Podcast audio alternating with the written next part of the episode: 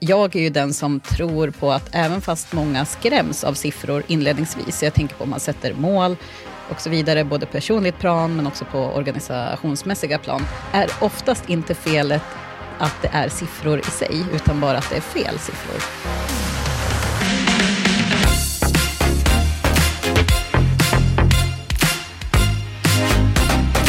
Välkommen till Scale-Up-effekten.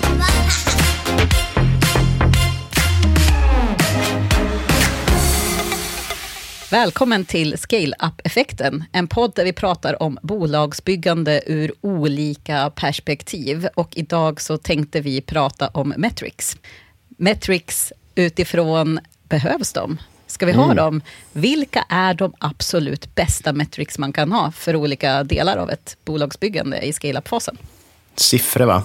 Älskar. Siffror, älskar siffror. Eller gör jag det? Ja. Jag vet inte, jag älskar siffror, så jag tänkte att jag skulle börja idag. Där Kör. Jag de tvistar, de lärde. Ja, det låter bra det. Men eh, vilka är vi då? Ja, innan vi eh, kör igång här så låter vi Jane köra våra presentationer. Name? Sarah Oman. Born in Stockholm. Currently living in Funistalen. Profession? Marketing consultant. Skill set? Making people think for themselves. Favorite hobbies? Running, skiing, and eating. Fun fact? Knows every Bon Jovi single there is. Favorite quote? Never half ass. Name? Elon Hartelius.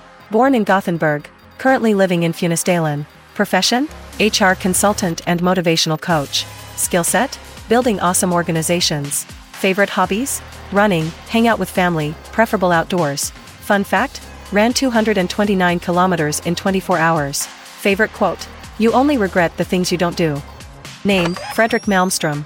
Born in Kungsbacka. Currently living in Gothenburg. Profession, CMO and digital brand strategist. Skill set, creating brand experiences with emotional impact. Favorite hobbies, singing, running and making family videos. Fun fact, played in seven rock bands. Favorite quote, it takes a fool to remain sane. Vad skulle vi göra utan Jane? Ja, nej men det, det är skönt att man eh, har någon annan som för sin talan ibland. Därför vi alla gillar att sitta på ChatGPT och göra sina egna presentationer Ja. sig själv. Och jag vet att du är en sån AI-nörd nu också Sara, så det här behöver vi också lyfta i, i eh, ett annat avsnitt. Men eh, nu får vi Mm. All prata lite AI. om, om eh, behind the scenes då. Ettor och nollor. Ettor och nollor, det som vi sa, behöver vi dem? Ja, eftersom jag är den som jag tror älskar metrics här mer än någon annan. Det är ju hela anledningen till att jag gör det jag gör. Att jag tycker om att följa upp och se resultat och få den här kicken av siffror.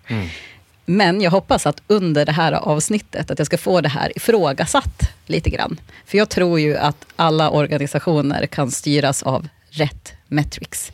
Så jag hoppas på det här att både få svar från er, vilket är ert perspektiv, och också då se, behövs de? Det ska du absolut få. Jag är ju den som kanske gillar, alltså jag, jag gillar metrics och siffror ibland, men jag är också ganska tveksam till dem och eh, jag tror inte att de passar i alla sammanhang.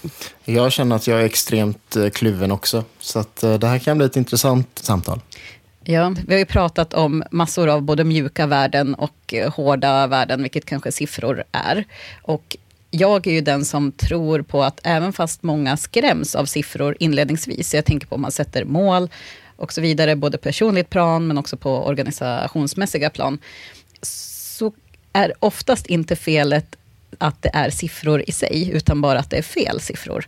Det är mitt perspektiv på saken och också att man behöver någon form av återkoppling. Och det här vet ju kanske Elin mer om vad som, vad som driver oss, att vi är olika och det är ju väldigt svårt att gå från sitt eget perspektiv och jag själv är ju extremt sifferdriven, så mycket så att jag i perioder får ta bort siffror ur mitt liv, ifall det till exempel har med träning eller någonting sånt att, att göra. Men ändå, så att min stora utmaning i mitt jobb, när jag ska få företag att växa, det är ju att hjälpa folk att hitta rätt siffror. Och helst av allt då inte för många siffror, så att de blir helt överväldigande, utan kanske några få. Så. Och är det inte, jag är också nu väldigt nyfiken på vad man, hur man gör för att visualisera de här siffrorna. Du menar som i form av dashboards eller att lyfta upp dem på olika sätt? Så. Ja, men så att det går att liksom urskilja någonting eh, över tid eller att man liksom på något sätt får... Jag är väldigt visuell av mig, så att jag, även om liksom jag gärna vill jobba med siffror också så behöver jag ha någonting, liksom så att, ja, men ett diagram eller någonting så att jag liksom förstår lite hur, hur det hänger ihop. Ja. Men ska vi gå till botten med det? Hur får man fram Ja. de rätta Ja. siffrorna? För, för jag tänker så här att de, siffror kommer ju oftast till i de flesta organisationer för att man antingen har läst en bok eller en bloggpost som i att de här siffrorna ska man ha. I mitt fall så handlar det ofta med att hur får man in kunderna? Vilka, hur vet man att kunderna är nöjda? Hur får vi liksom tillväxt i form av någon form av lönsamhet? Inte kanske så mycket kring hur folk presterar i, i sig. Men där tycker jag också att det är intressant för att man har sett ett ganska stort skifte de senaste åren. Att vad det är man mäter för någonting. Det handlar inte så mycket om volymer på folk, utan det handlar snarare om hur mycket man lär sig. Det tycker jag är det största skiftet man har sett, alltså internt på, i en organisation. Så att vi har gått från liksom, volym eh, mät, mätetal till snarare mer kvalitativa tal och börja experimentera kring det mycket mer. Mm. Kan du inte ge något exempel på, vad kan det vara i din värld? Ja, så att ett exempel skulle kunna vara att tidigare så tittar man till exempel på kundanskaffning och hur många kunder man fick in.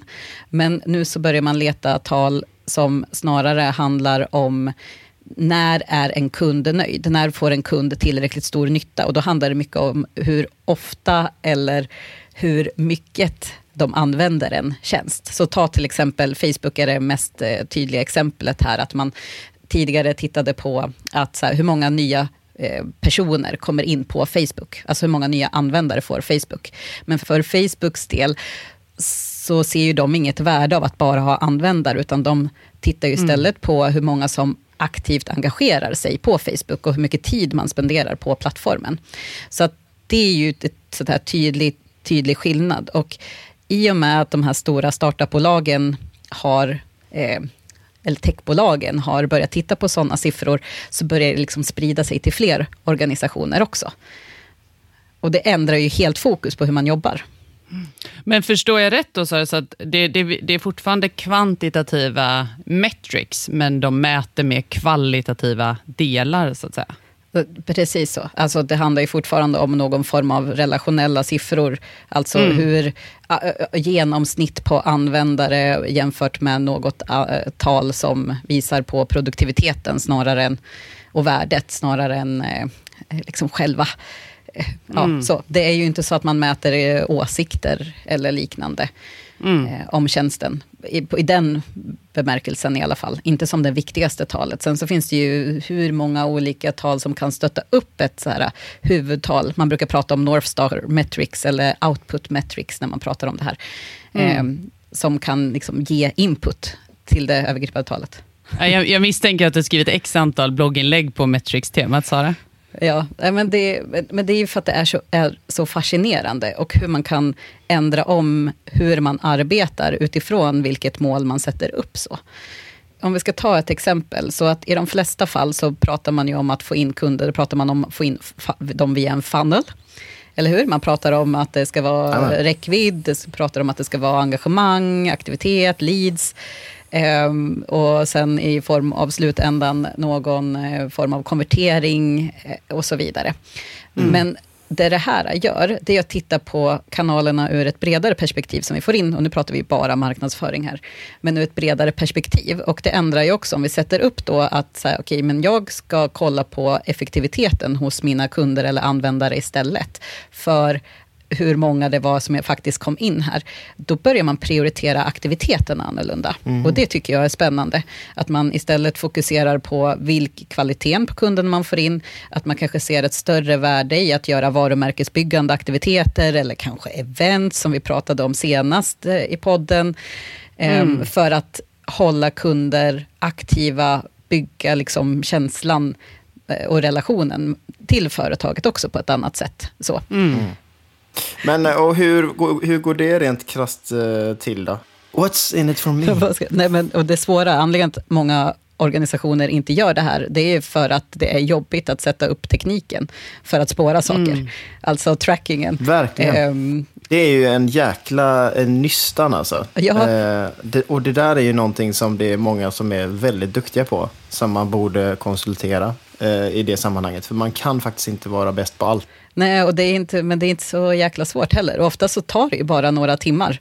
Ja, men jag tror att det är många som tänker, ja, jag kan tänka att det inte är svårt, men det kan också vara det att, att eh, bara komma igång gör ju så himla mycket. Eh, Jag, jag pratar av egen erfarenhet, jag, jag vill gärna också göra det, men jag har liksom alltid eh, liksom fast forward genom att använda någon som verkligen kan sätta upp det där. Och sen kan jag nörda ner mig i siffrorna. Men jag upplever att det delvis är för att man är lite rädd. Alltså snarare än Ja, att det ja. verkligen är, att det är en kostnad eller någonting, utan det är den här, eh, vad heter det, jag är rädd att bli påkommen, att jag inte har koll på siffror. Ja, ja. Och det, så tror jag att många känner, att, och det är väl, går väl tillbaka till mattelektionerna. Jag var inte bra på matte, så jag tycker siffror är jättetråkigt. Mitt starkaste minne från en utbildning som jag höll, en åtta veckors kurs på en affärsutvecklingsutbildning. Eh, det var en tjej som skrek varje lektion, som vi sa, nu ska vi ha siffror. Och så skulle vi sätta upp budgetar och så skulle vi lära oss då att ta in all, all data och omvandla det till någon form av insikter. Och i början, hon sa så här, jag är vet du det, sifferdyslektiker. Det finns faktiskt ett riktigt ord för det här också. Jag hatar det här. Sen så var det en student som i slutet av ut, alltså precis innan deras inlämning filmade den här tjejen där hon stod och förklarade och ritade upp på siffrorna för hon hade fattat det. Så jag tror Mm, att det är wow. så många som och jag tror att den där känslan har alla, för att det är lättare att prata om mjuka saker och bara göra. Sen att följa upp och titta på de här statistiken och siffrorna, det är någonting som jag, jag borde göra det, men jag hinner ju inte. Och Nej. jag kanske inte vet för att det var något verktyg som jag skulle sitta och jobba i också. Ax- Alltså, tillgänglighet är ju så himla viktigt i detta också. Att det inte bara är någon som vet vart siffrorna ligger eller man måste gå in i något krångligt eh, system. Ja. Men bara, för för jag tänker också så här att det är lätt att eh, förblindas eller lockas till det som man ser är enkelt mätbart. Man kanske till och med utan att ha satt upp saker så, så har du per default vissa metrics i, i dina system eller sådär.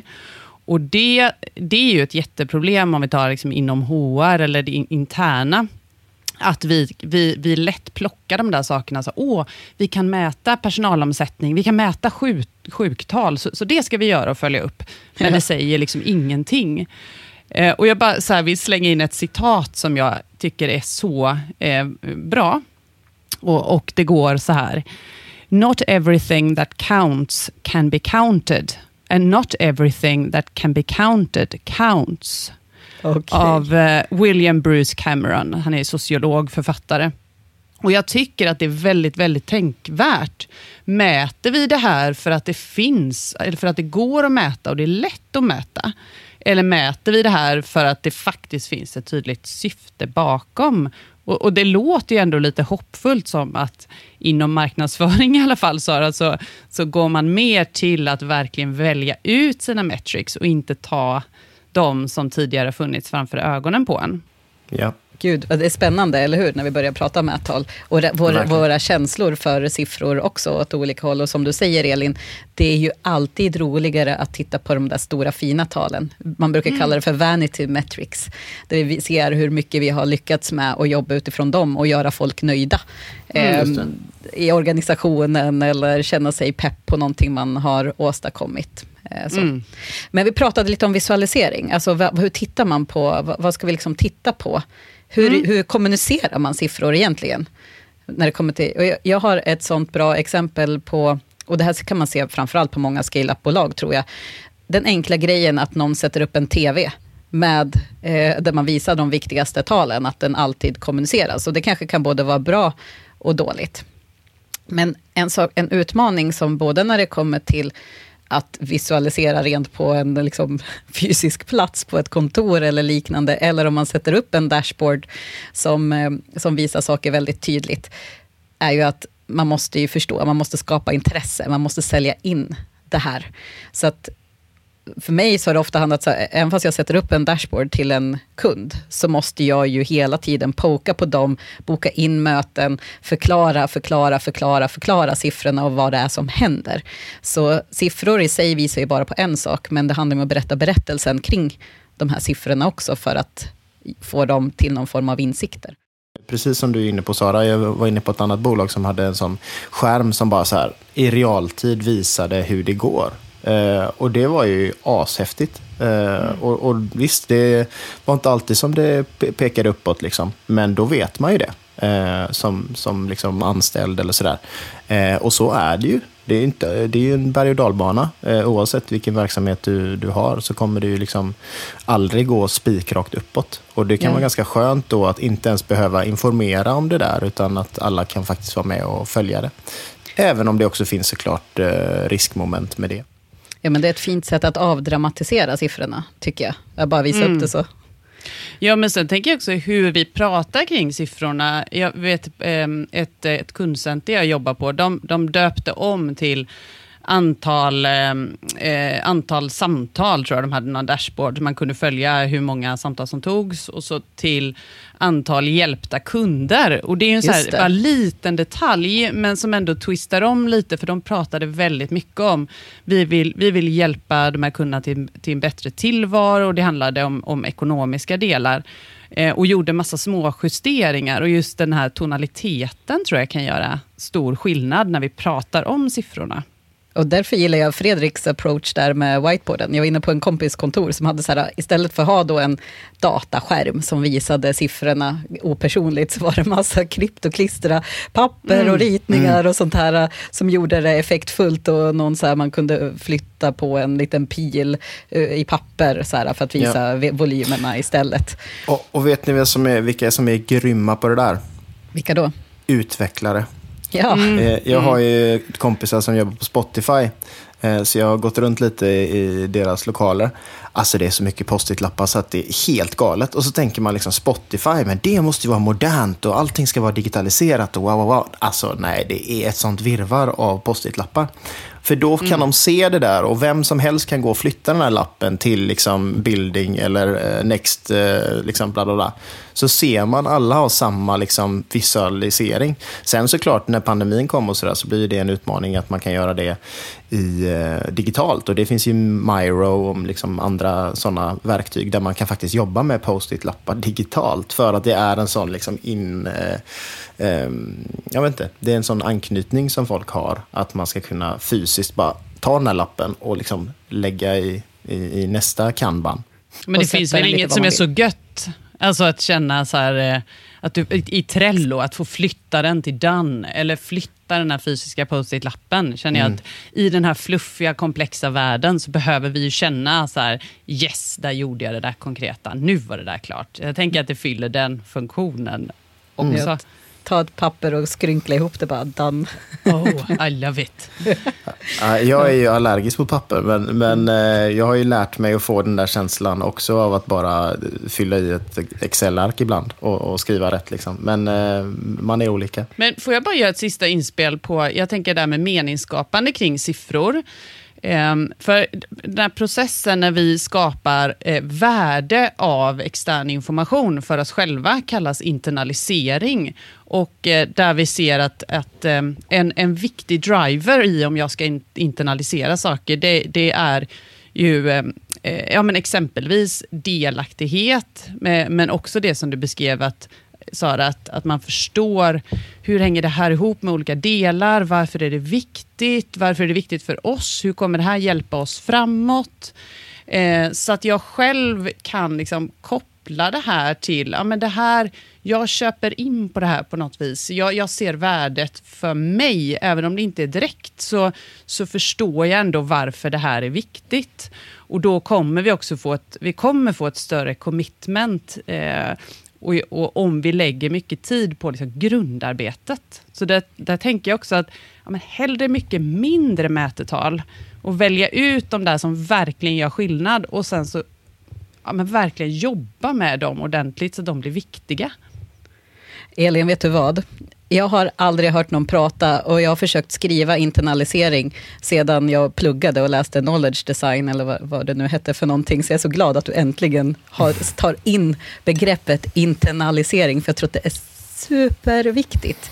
Jag har aldrig Att hört heller. Det låter som något medicinskt ingrepp. Men, eh, Ja, men precis. Jag förstår inte så här, var, varför man inte pratar om det oftare. Och det är väl hela grejen med siffror också, att de visar på någonting, men du ska också kunna grocka är väl också ett sånt ord. Eh, vad- som, alltså internt, vad det nu ser jag ut betyder som ett egentligen. frågetecken här. Grocka? Jag vet, både internalisering och grocka, jag, ord som jag har använt, men Okej. ingen annan använder. Förutom Elin då, när det kommer till internalisering. Jag vet inte ifall hon har hört ordet grocka. Nej. Greppa. Nej, okej. Nu har i alla fall jag lärt mig av något av den här podden, så det är ju toppen. Men be berätta, vad är det Sara? Nej, men eh, det, är ett, eh, en slang för internalisering. Jag tror att vi får Jaha. nörda... Alltså, ja, Oj! ja, alltså typ så här greppa, fast liksom på insidan. Ni vet när det klickar i huvudet, då grockar man. Alltså när det är liksom i huvudet och hela kroppen, det är grocka någonting. Grocka. Ja, Ja. Mm. Put that on a t-shirt. du får, ska börja blogga om det här så att det blir en grej, så att det indexeras på Google också bara. Men Fredrik, du sa att du var inne på det här också. Eh, det som jag eh, verkligen ställer mig frågande till, det är det här mäta för mätandets skull. Eh, som vi har pratat lite om, att bara liksom ha fancy figures. Liksom. Men innan jag går in i det så tänker jag bara, nu ska jag droppa mina favorit go-to-förkortningar här. Okej, eh, spännande. som, Mm, kör. och jag har jobbat väldigt mycket med digital annonsering, så det kommer ju kanske härröra en del kring det, eh, primärt det jag säger. Men, men det kommer man kunna använda i andra saker också. Eh, så att eh, det man måste ha koll på, det är sin ROAS. Och det är ju, Sara? Return on ad spend. Precis. Det är ju någonting som alla måste veta. Sen behöver du veta sessions by age group. Eh, det vill säga hur många eh, personer har du på din hemsida och hur gamla är de? Eh, för att det är så du kan göra en bra targeting eh, på dina annonser. Eh, För det som man oftast får välja det är kön, geografi och ålder. Och nu så vill jag komma och ställa frågan hur du mäter, hur du mäter det i den här nya tiden. Men det kan vi ta sen. Ja, precis. Och det är exakt. Och, och, och eh, det, det tänkte jag också toucha lite vid i det här cookieless eh, society som vi är på väg in i. Och sen så, min då favorit är ju cost per acquisition, CPA. Som också kan vara då kostnad per anskaffning eh, på svenska. Eh, och det här vill jag stanna kvar vid lite. För att jag har ju då gjort ganska många eh, kampanjer på digitala eh, sociala medier och sådär. Den mest framgångsrika kampanjen, eh, och nu ska jag inte skryta för mycket här nu då, men eh, jag kom in på ett bolag eh, och eh, de, hade, eh, de behövde ha ansökningar till sin eh, tjänst eh, och de hade då, eh, utan att egentligen jobba så mycket med annonsering, 50 stycken ansökningar i månaden. Eh, Och efter att vi hade kämpat på lite både med innehållsproduktionen för att liksom göra attraktiva annonser, tänka lite kring kommunikationen, hur vi jobbar med det och sen självklart annonsdistributionen. Välja ut rätt målgrupper, välja ut rätt kanaler och allt det här. Så efter sex månader så var vi uppe i 600 ansökningar per månad. Oj. Eh, Och det var ju bra liksom, eh, effekt av det där. Roliga med det var att sen släppte vi egentligen, alltså vi jobbade inte aktivt med det, utan vi bara lät annonserna löpa på och vi, hade liksom, vi monitorerade och optimerade lite. Liksom. Men sen bara snöbollade det där iväg. Så att efter ett halvår till där så var vi uppe i tusen ansökningar.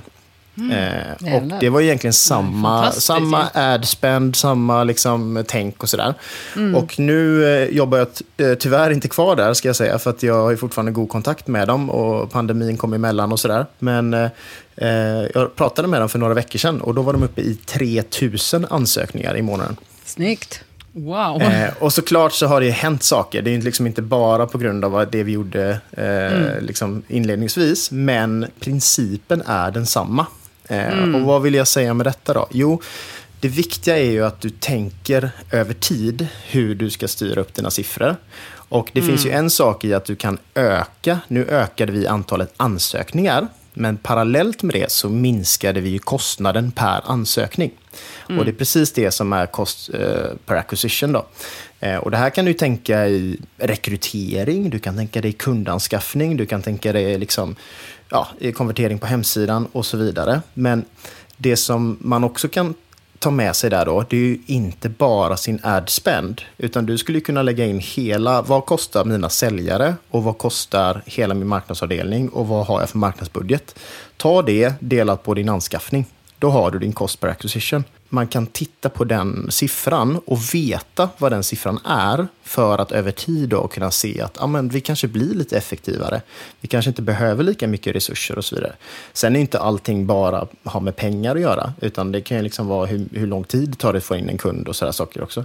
Men just den där siffran, cost per acquisition, jag kommer alltid tillbaka till den för att den är så stark i att ja, men jag har ju suttit i, eh, som marknadschef och göra marknadsföringsbudget och så eh, säger någon, varför ska du ha så här mycket pengar? Jo, men vi ska ju få in så här mycket kunder. Då behöver mm. jag lägga så här mycket pengar. Och så kan man alltid räkna, liksom, du kan multiplicera den där siffran med antal kunder du vill ha in, så har du din marknadsbudget. Mm. Eh, och då kan du motivera lite liksom, eh, ja, hur, hur du tänker. Och när du sen vet den där siffran kan du titta på, som du sa, vilka insatser. Och när du vet vilka insatser, ungefär hur många kontaktytor, så vet du ungefär vad varje kontaktyta är värd. Mm. Så då blir det också lättare att fördela budgeten. Exakt. Ja, jag är väldigt passionerad inom detta och, och uh, har ju också gjort en del kampanjer på ungefär samma sätt. Och det som jag tycker är spännande då, det är, uh, och som jag alltid ramlar tillbaka till, det är en kampanj från Salesforce från 2013 där man pratar om the modern marketer. Mm -hmm. Då resonerar de så här att eh, det finns två typer av människor som är viktiga här. Det ena mm. är liksom artister och kreatörer eh, som skapar liksom visuell, visuellt starka budskap, kommunikation, konstnärssjälar. Liksom. Och sen så finns det scientister, det vill säga forskare eh, eller liksom ingenjörer och de som har liksom en fallenhet för siffror och kanske lite mer svartvitt eh, förhållande till världen om man säger så. Eh, kanske inte det här liksom, eh, ja men jobba, nu, nu kommer jag inte ihåg vilken hjärnhalva det är Elin som är den kreativa, men ehm, jag det... blandar alltid ihop de där två. Ja. mm. ja. Någon, någon hjärnhalva jobbar lite mer än den andra.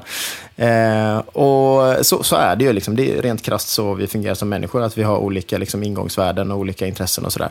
Men för att du ska kunna lyckas i en modern kontext så behöver du vara part artist, part scientist. Det vill säga, mm. du behöver förstå förhållandet mellan frontend och backend, om man får säga så. Alltså den mm. visuella biten och det som tilltalar ögat som gör att någon klickar på en annons till exempel. Och vad händer sen med det klicket? Hur ska man liksom ta vara på den datan som skapas i hemsidan eller på liksom landningssidan?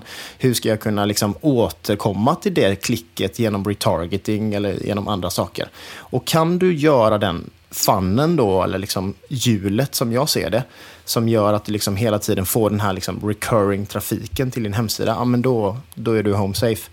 Ja. Eh, och, och, eh, så tänk gärna på det där part artist, part scientist. Och det finns ju såklart en gradering i det där. Det är inte så att man är hälften hälften. Jag är nästan hälften hälften för att jag har alltid gått en liksom scientist-vägen rent eh, utbildningsmässigt. Men jag har alltid liksom eh, på sidan om eh, nurturat min kreativa sida. Det har vi lärt eh. oss nu med, eh, med allt, eh, de ljudeffekter och. Ja, exakt, förlåt, jag går igång lite väl kanske. Ja. Men, och, och sista jag vill säga då, det är det här kvantitet versus kvalitet som vi var inne på. och det är ju så himla spännande i, i alla delar av bolagsbyggande. För att man ska kunna skala upp någonting så måste du skala bort. Eh, det där har jag lärt mig den hårda vägen. Eh, för gör du för mycket och multitaskar, ja då bränner du ut dig. Eh, och så tänk på det i alla avseenden, även då när man ska titta på sina siffror. Är det kvalificerad lead eller är det bara liksom en random konvertering? Eh, och är det faktiskt en konvertering eller är det bara datan som säger att det är en konvertering?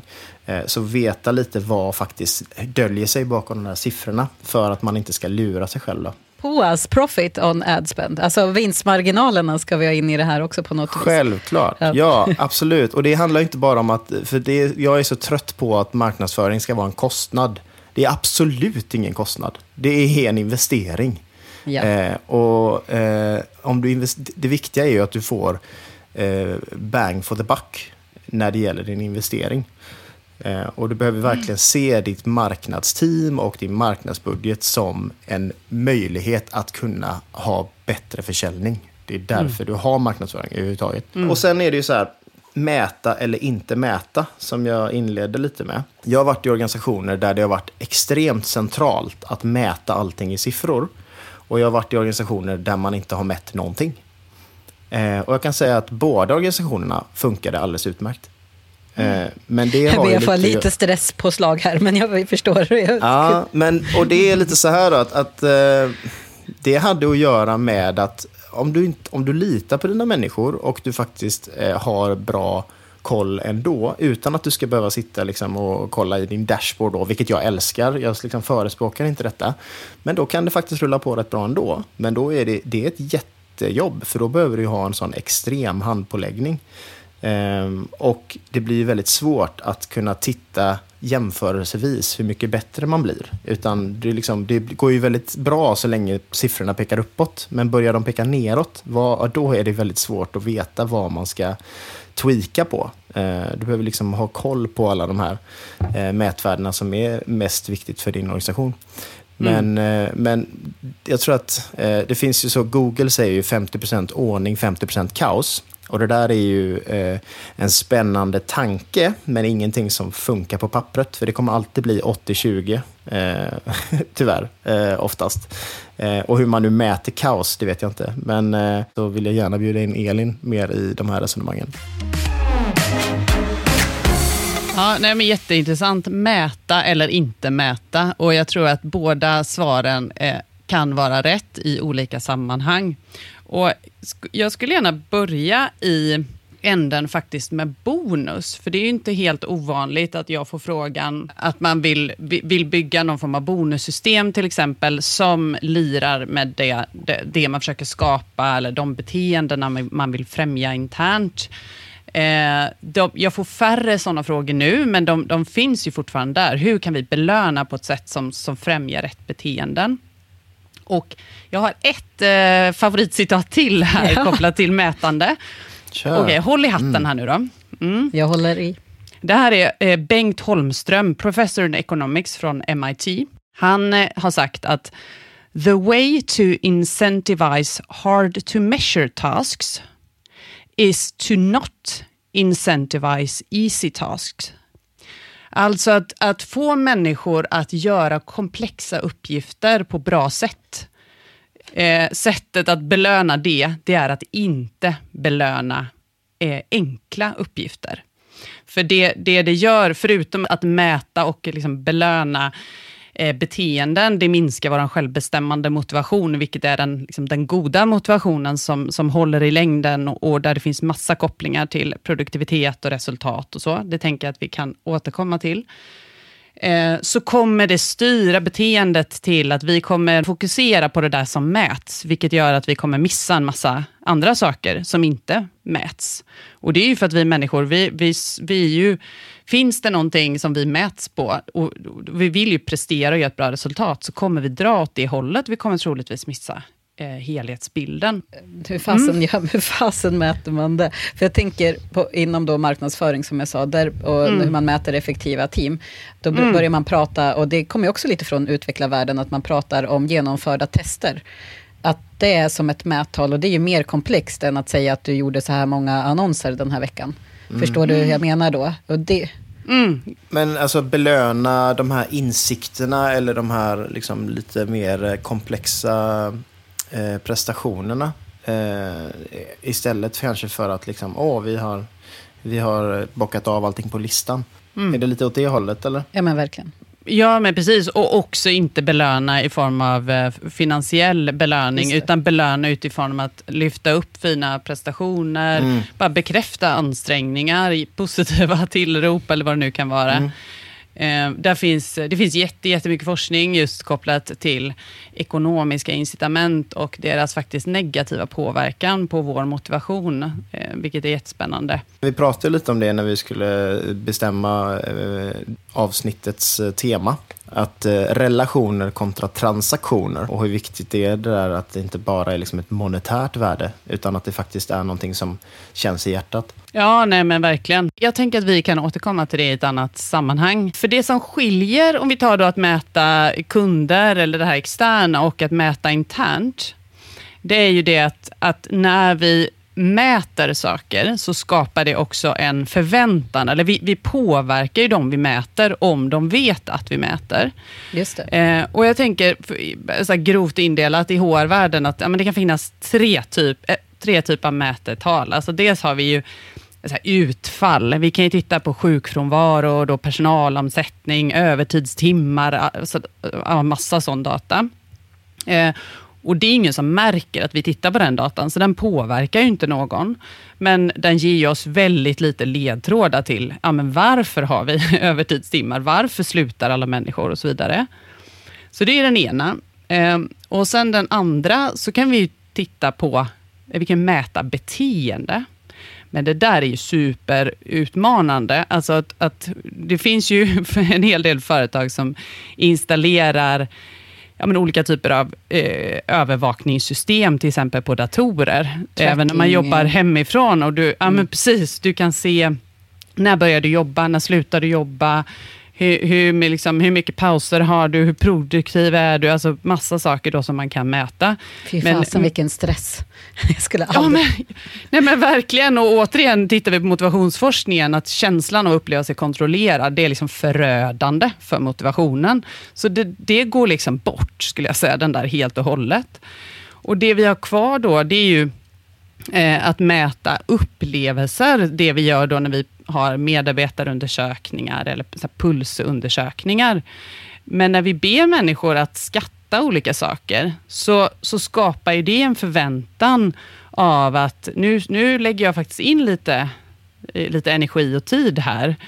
Och nu kommer det hända saker. Alltså dels vill jag ju ta del av av eh, svaren och jag vill också ta del av reflektionerna och jag vill ta del av vad, vad ska ni göra med de här svaren. Så det skapar ju en massa jobb som, och, och, och om du inte gör det där jobbet så kommer det få en negativ effekt på det du mäter och kanske då vill förbättra. Men är det vanligare att man eh, lyckas med det eller inte lyckas med det? För att jag kan ju se att precis det här det sista du nämner, så börjar jag tänka direkt på en byrå som jag har jobbat med, som jag tycker har gjort ett jättestort jobb. Och då ska jag säga att mediebyråer är inte alltid de bästa, även fast de mäter mycket, så är de inte alltid de bästa. Men den byrå som jag vet som har gjort det här sista jobbet, där de tittar mer på kvalita, kvalitet hos medarbetare över tid, tycker jag har gjort en jättestor förändring. Men det är kanske är mer vanligt att man inte gör den uppföljningen hela tiden, för de gör ju uppföljningen på hur, hur folk mår eller hur folk presterar eller vad resultatet av det är på liksom veckobasis nästan. Mm. Så. Ja, nej, men nej, det finns ju de som, som lyckas hitta ett sätt att faktiskt bygga in det och, och då, det, då har man kanske ofta då tre frågor i veckan till exempel och så kan du se över en månad eller ett par månaders tid så har du täckt över alla områden så att du får någon form av helhetsbild. Eh, och, och jag tror att det kan funka om du hittas, hittar ett sätt att hela tiden förhålla dig till datan och du tittar på den i teammöten eller i one-to-ones eller sådär. Eh, jag upplever nog snarare att man faktiskt, för, för när de här pulsundersökningarna, det är, det är egentligen så här kortare medarbetarundersökningar som man skickar ut oftare, eftersom det var, man såg problem att skicka ut en undersökning, en jättestor undersökning en gång per år, så är den, det är liksom inte relevant, det hjälper oss inte. Så börjar man med puls och skickade ut jätteofta, och vilket inte bara bidrog med positiva effekter. Eh, så jag upplever nog snarare att man från HRs perspektiv har, har backat tillbaks lite och ser att wow, okej, ja, pulsar är intressanta, men vi kanske ska göra det varannan månad istället.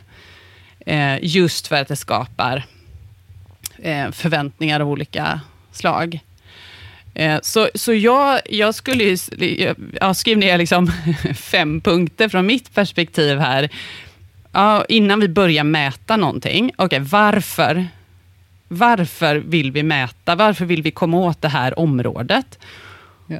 Och, Eller kan det vara att det är ett problemområde eller att man ser en möjlighet? Eller? Mm. Ja, men, ja, men precis. Och, och vad ska vi mäta? Alltså, hur, hur ska vi komma åt det? Då? Vad är det vi ska mäta? Hu- Hur ofta ska vi mäta? Och vad gör vi med resultatet?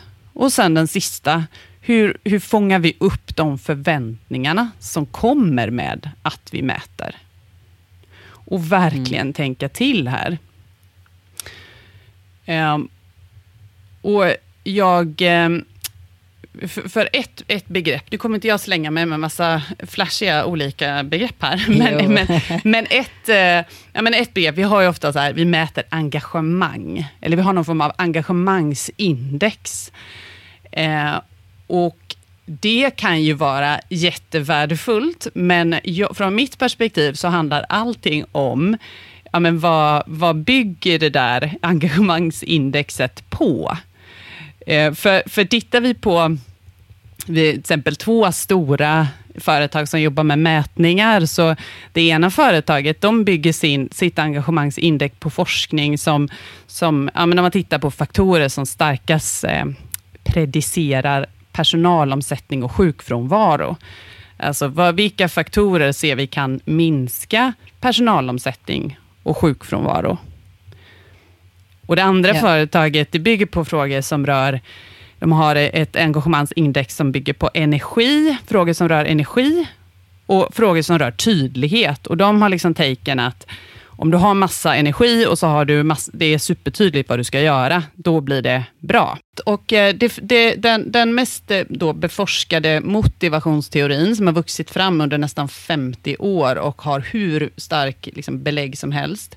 Där pratar man om tre psykologiska grundbehov. Autonomi, kompetens och tillhörighet. Och där man ser väldigt stark koppling i hur, vilken grad de här behoven är uppfyllda och koppling till hur du presterar, hur du mår, hur proaktiv du är, hur engagerad du är och så vidare. Det finns kopplingar till typ allt som man vill ha i en organisation. Och autonomi handlar inte om att man ska jobba eh, fristående från andra, utan det handlar om att man ska uppleva att man har val eh, och kunna påverka. Kompetens, att man får bidra och jobba med meningsfulla saker och så vidare. Och sen samhörighet, att man är en del i en gemenskap. Och att hitta sätt, som, som jag har jobbat hos flera kunder, att följa upp upplevelsen av autonomi, kompetens och tillhörighet och, och göra det regelbundet. Det skulle jag kunna säga, eller det, är så här, det upplever jag som det mest värdefulla, om vi nu ska ta en typ av mätning, ja, och, och, och baka upp det till ett någon form av engagemangsindex om man vill, eller såklart att titta på frågorna eller områdena var för sig. Det upplever jag som jättevärdefullt. Tycker vi att det är meningsfullt så gör vi förmodligen det bästa vi kan av att försöka påverka saker också. Helt. Mm.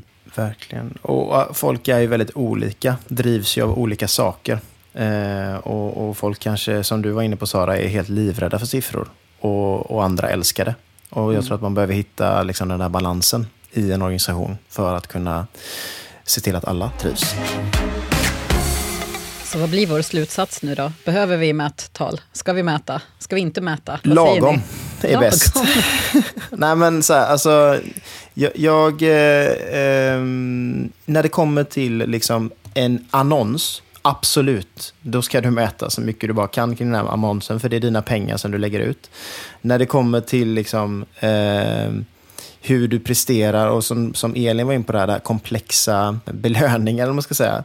Eh, du kan inte mäta allt eh, och, och, och utgå inte från det. Utan eh, försök att skapa metrics för din organisation som funkar. Snegla gärna på andra, men hitta dina nyckeltal. Jag går väldigt mycket på känsla i mitt jobb. Den i kombination med bra siffror, absolut. Men inte bara siffror och inte bara magkänsla. Nej, Nej, och jag skulle vilja slå ett slag igen för då, som sagt, att verkligen göra ett grundjobb innan du börjar mäta. Fundera över vad finns det för vinster, eh, vad finns det med värde med den här mätningen och vad finns det för potentiella kostnader och risker. Och då inte bara ekonomiska kostnader, utan potentiella risker i engagemang eh, eh, som man kan skapa med, med mätningen. Att, att ja, ver verkligen tänka till. Är det någonting ni vill lägga till där? Nej. In på scaleupeffekten.se. In på scaleupeffekten.se så att vi får bra metrics. Vi måste få bra metrics på hemsidan. va? Så att, tycker ni det här var spännande så tipsa en vän också, gärna. Eh, och, och då brukar du säga, hur ska man göra då Sara? Man ska tagga scaleup-effekten, skicka den vidare, ta en screenshot, använd de här dela-knapparna. Ja, Engagement. toppen. Engagement va? Vilken grej. Ja men grymt hörni, vi säger så då. Hörs. Hej. Ha det gott. Hej då!